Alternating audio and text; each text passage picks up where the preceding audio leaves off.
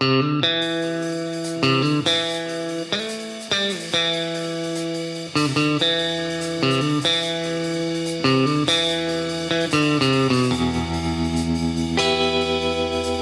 nuevo tocamos a la puerta de Ibarra Baserria, entramos hasta el fondo de la puerta con de Bastante. En esta ocasión nos plantea un tema interesante y de que cada vez los hortelanos estamos más concienciados por el bien del ecosistema y del medio ambiente.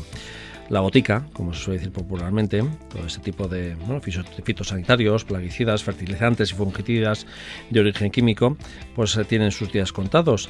Y para hacer frente a las plagas que atacan a nuestras huertas, cada vez hay más gente que opta y está cogiendo más fuerza el uso del control biológico. Y sobre esto vamos a hablar con John Bastante de Ibarra Baserria en Zornocha. ¿Qué tal estamos, John? Hola, ¿qué tal? Aquí muy bien, pasas por agua. sí, es lo que tienes, lo que tienes estas fechas. Bueno, eh, que habéis estado en un curso de control biológico. Eh, explícanos un poco de por dónde van los tiros. sí, bueno, eh, hace poquito organizamos un curso sobre control biológico. si bien llevaba ya gestándose mucho tiempo, desde mayo, para ser más exactos.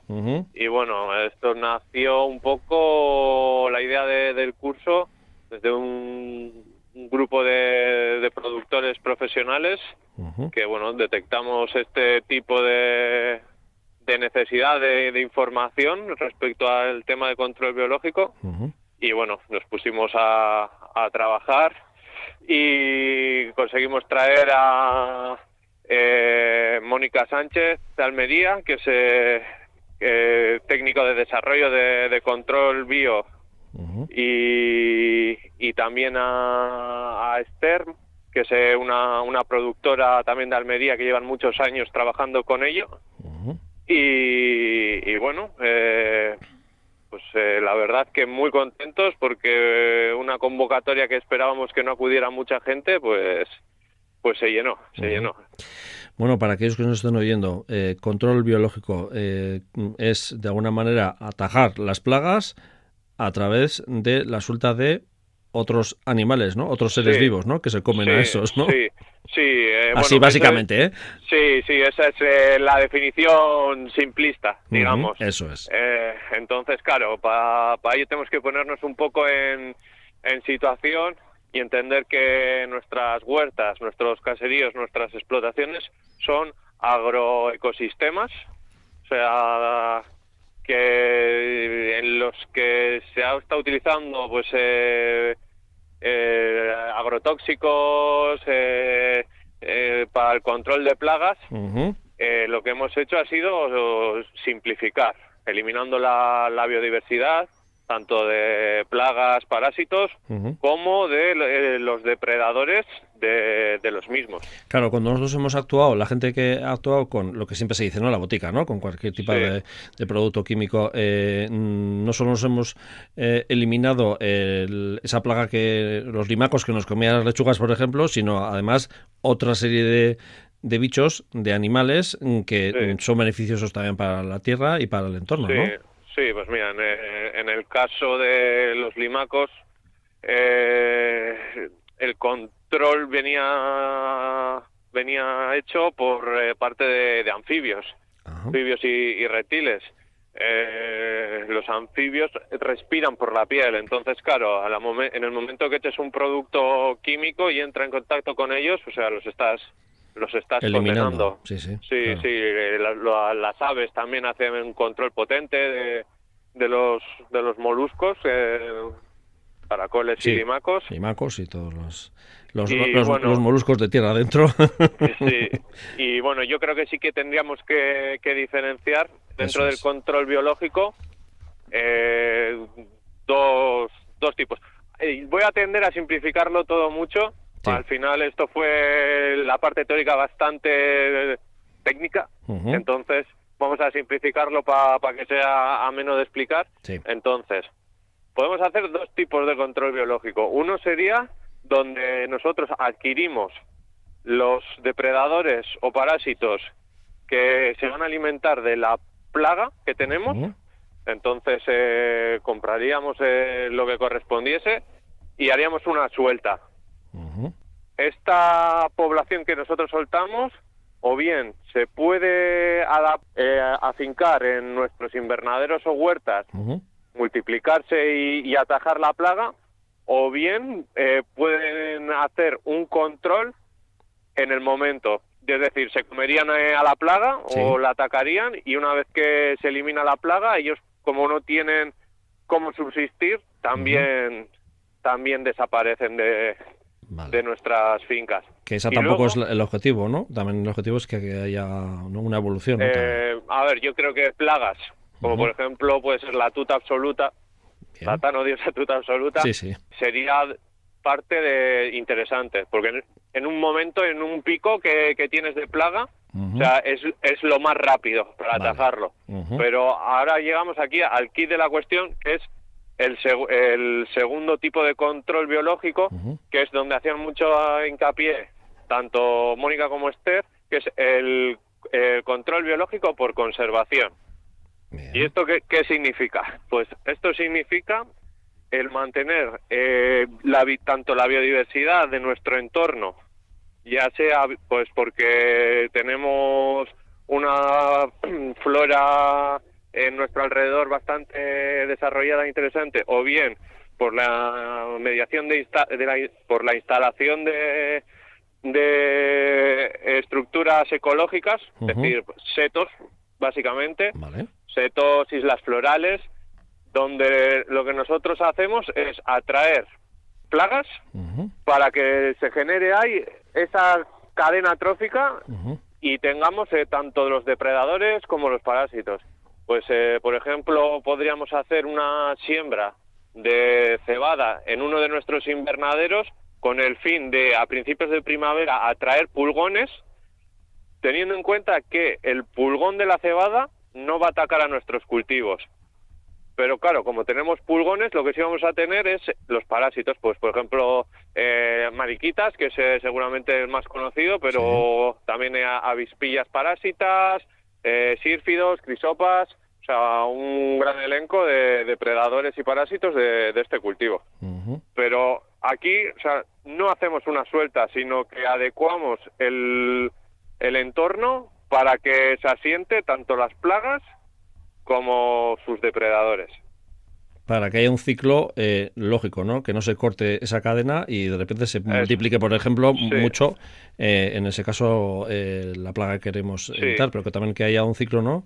sí, eso es. A ver, yo creo que este es un, ejemplo que yo, yo, lo utilizaba con los niños, pero lo, lo utilizó también Mónica en, en, la, en la charla y es un ejemplo. O sea, si nos imaginamos, por ejemplo, la sabana africana, o sea, tenemos el estrato herbáceo, o sea, las hierbas que hay en la, en la sabana. Luego tendríamos eh, los herbívoros, que serían los antílopes, las cebras y los ñus. Y luego, por último, tendríamos eh, carnívoros, pardos, leones. Entonces, en el momento que hay un desequilibrio, si desaparece la hierba de, ese, de esa cadena trófica, o sea, desaparecen los herbívoros y desaparece también eh, los carnívoros. Si desaparecen los herbívoros, pues eh, no habrá carnívoros, pero tendremos mucha hierba. Entonces vamos viendo que según vamos quitando, poniendo de esta ecuación uno de los elementos, o sea, varía, varía el, resultado y siempre a negativo. Entonces, claro, lo que tenemos que hacer es eso, buscar el equilibrio.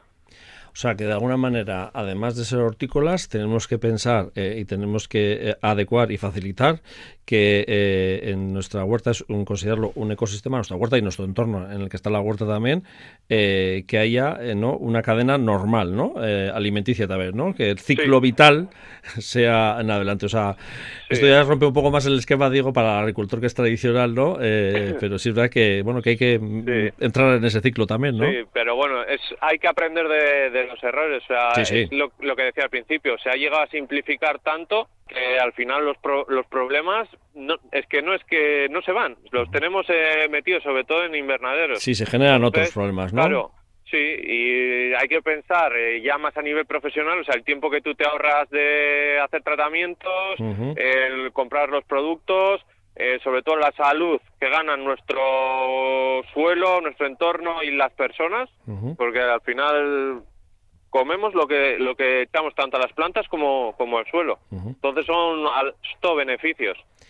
Y luego habrá mucho de prueba error, me imagino, en esto también, ¿no? Sí, eh, a ver, contaban ejemplos que, que habían hecho allí, pues de meter geranios dentro de, estas bandas florales o setos, cuando no, no te da realmente un, un beneficio, te dan problemas. Entonces, claro, Aquí es donde tendría que entrar un poco eh, la entomología aplicada y las relaciones ecosistémicas que hicieran estudios más adaptados a, nuestra, zona y nos dijeran eh, qué insectos tenemos, cuáles son los más interesantes, qué plantas eh, atraen plagas pero a su vez no pasan a los cultivos porque son específicas de esa planta.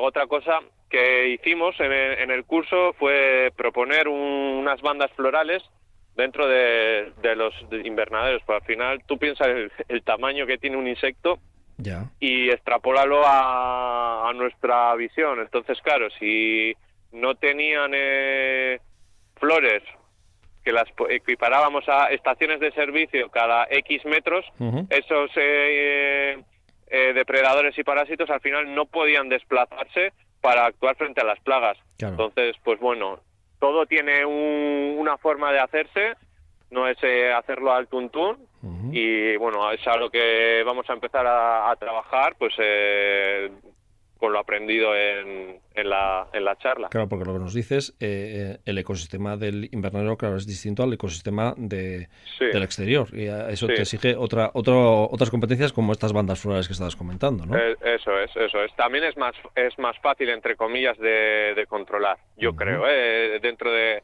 un invernadero. Porque es lo que decía, al final se ha simplificado tanto el, el ecosistema dentro que va a ser más fácil eh, haciendo esas pequeñas implementaciones de, plantas. Estamos hablando de plantas eh, normales, rudas, tomillos, eh, oréganos, lavandas, lavándulas. O sea, no estamos hablando de, plantas extrañas. Entonces, las podemos, perdón, implementar fácilmente y, y, ir viendo, pues, pues cómo, cómo funciona estas bandas florales y cómo actúan contra, contra nuestras plagas. Claro, eh, las compañeras que os han dado este curso de control biológico eh, son del sur de peninsular. Eh, el clima y la situación es totalmente distinta ¿no? que a, lo que puede haber aquí. Y bueno, también en Euskal Herria de punto a punto también varía un montón, evidentemente. O sea, cada uno tiene que buscar su punto adecuado para su zona, su valle, por así decirlo, ¿no? Sí, bueno, a ver, al final todo lo que es la vertiente cantábrica, más o menos sería lo mismo. No pasaría tanto con, con Álava y zonas de Navarra, que es eh, clima mediterráneo. y, y ahí, entre los dos tipos de clima sí que tendríamos diferencia. Pero bueno, eh, avellanos, por ejemplo, tenemos con relativa facilidad en nuestro entorno y son plantas que atraen a los sírfidos, que los sírfidos son unas moscas que imitan ser abejas y las larvas de, estos se alimentan de, los pulgones. Ah. Entonces, en todo momento estamos hablando de, cosas sencillitas que tenemos en nuestro, en nuestro entorno. Y luego sí es verdad que, claro, estamos hablando de, Almería, una agricultura muy tecnificada, muy grande, muy diferente, y lo que tenemos que coger es las ideas y adaptarlas. Adaptarlas, evidentemente. En este control biológico, claro, eh, incide también mucho, no solo la parte plantas eh, que pueden eh, atraer o, o, ahuyentar a determinados parásitos y animales y pulgones, pero también, por ejemplo, otro tipo de animales, ¿no? Sí, podríamos irnos a una escala un poco más macro, sin entrar igual en, aves, ¿no? Chepechas, petirrojos, y demás aves más y más pequeñitas que son insectívoras. Tenemos un trabajo muy bueno de, de murciélagos, anfibios, tritones, ranas, eh, los quiriquiños, también los erizos eh, son muy interesantes, eh, las culebras, los ratones ahí donde, donde los ves son una plaga bastante fastidiosa, pero al final Sí, sobre todo cuando hay sobrepoblación, ya ni te cuento. Bueno, o sea que fíjate de lo que hemos dicho al principio, ¿no? de ese control biológico, que es eh, bueno, el, eh, bueno, la explicación básica a lo que hemos llegado. John, bastante, ¿tú en qué se estás aplicando ahora mm, en tu huerta? Pues a ver, nosotros hace tiempo ya que utilizamos bandas florales dentro de los invernaderos, un par de años, Utilizamos el lobularia marítima, utilizamos caléndulas, tajetes, utilizamos rudas, romeros, lavándulas. Luego, pues ya cuando tenemos problemas más concretos, por ejemplo, para el trip en los pimientos, utilizamos los Orius lavaegatus, que es un insecto que, se alimenta del trip. Sí que necesitan eh, que las flores tengan polen, porque se alimentan cuando no tenemos eh, la plaga, se alimentan de, ello. Hemos eh, para la tuta hemos utilizado los nesidiocoris, que no me llevo muy bien con ellos. Y mira, eh, sí que quería mm, contar una cosa que nos pareció curiosa, que seguro que, que alguien igual ha leído una noticia que decía que las plantas gritan, aunque no las podamos oír, y dicen que están siendo atacadas para que no vengan otras otras plagas. Entonces, eh, ahora lo que se está estudiando es que cuando, eh, en el caso del tomate, para ser más concretos, se les eh, hacían sueltas de nesidiocoris para el control de, la tuta en el semillero. Entonces, el nesidiocoris, si no tiene para alimentarse, lo que hacía era picar a la planta de, tomate. Entonces, los tomates emiten unos volátiles, gases volátiles, que lo que están haciendo es mandar un, mensaje a las otras plagas, o sea, no un mensaje sonoro, sino a nivel químico, y eh, así no atacan tanto las plagas porque ya piensan o saben que, esa planta ha sido atacada y, bueno, esto es una cosa real que se está estudiando y se está estudiando las diferentes aplicaciones que, puede tener en el tema de, control biológico. Esta es la primera vez que picoteamos con el tema del control biológico aquí en, este programa. Ya habíamos hablado alguna vez también de, otras eh, aplicaciones, pero sí es la verdad que bueno, en, el periodo que estamos en invierno también pensamos que no hay plagas y también hay plagas, pero ya hay que ir pensando poco a poco cara a la próxima primavera-verano y está bien que bueno nos vayamos eh, poniendo las pilas también en este aspecto y, lo siempre. Estar preparado. Y bueno, eh, hemos estado hablando de, insectos, básicamente, de plagas a nivel de, insectos. Esto también eh, se está desarrollando para el control de, hongos. Lo que se hace es eh, ocupar el espacio que ocuparía el hongo malo, digamos, en la planta con, otro hongo que sería inocuo para nuestro cultivo para que el otro no, se pueda desarrollar. Pues bueno, eso ya cuando preparemos ya, ya hablaremos. Ya nos lo contarás, ¿no? sí. Perfecto, oye. Pues... No quería eh, eh, que nos despidiésemos sin antes eh, dar agradecimientos a toda la gente que, que ha hecho posible pues, que esto salga adelante, sobre todo bueno a Mónica y Esther por venir, a Agrobio por habernos mandado insectos para el curso y eh, en especial eh, a, ENEC, que bueno, siempre que, les pedimos ayuda para lo que sea, eh, se portan súper bien con nosotros, nos cedieron la, la sede para dar allí la, la charla, y bueno, y también a, Asi por, por haber colaborado y, y bueno, que hay que ser agradecidos. Pues eh, John, bastante de Ibarra Baserria y en Sornochas. Qué ricasco por acercarnos este control biológico, esta, esta curso que habéis tenido tan interesante y, y bueno, conectaremos contigo en más ocasiones, ¿vale? De acuerdo, hablamos entonces.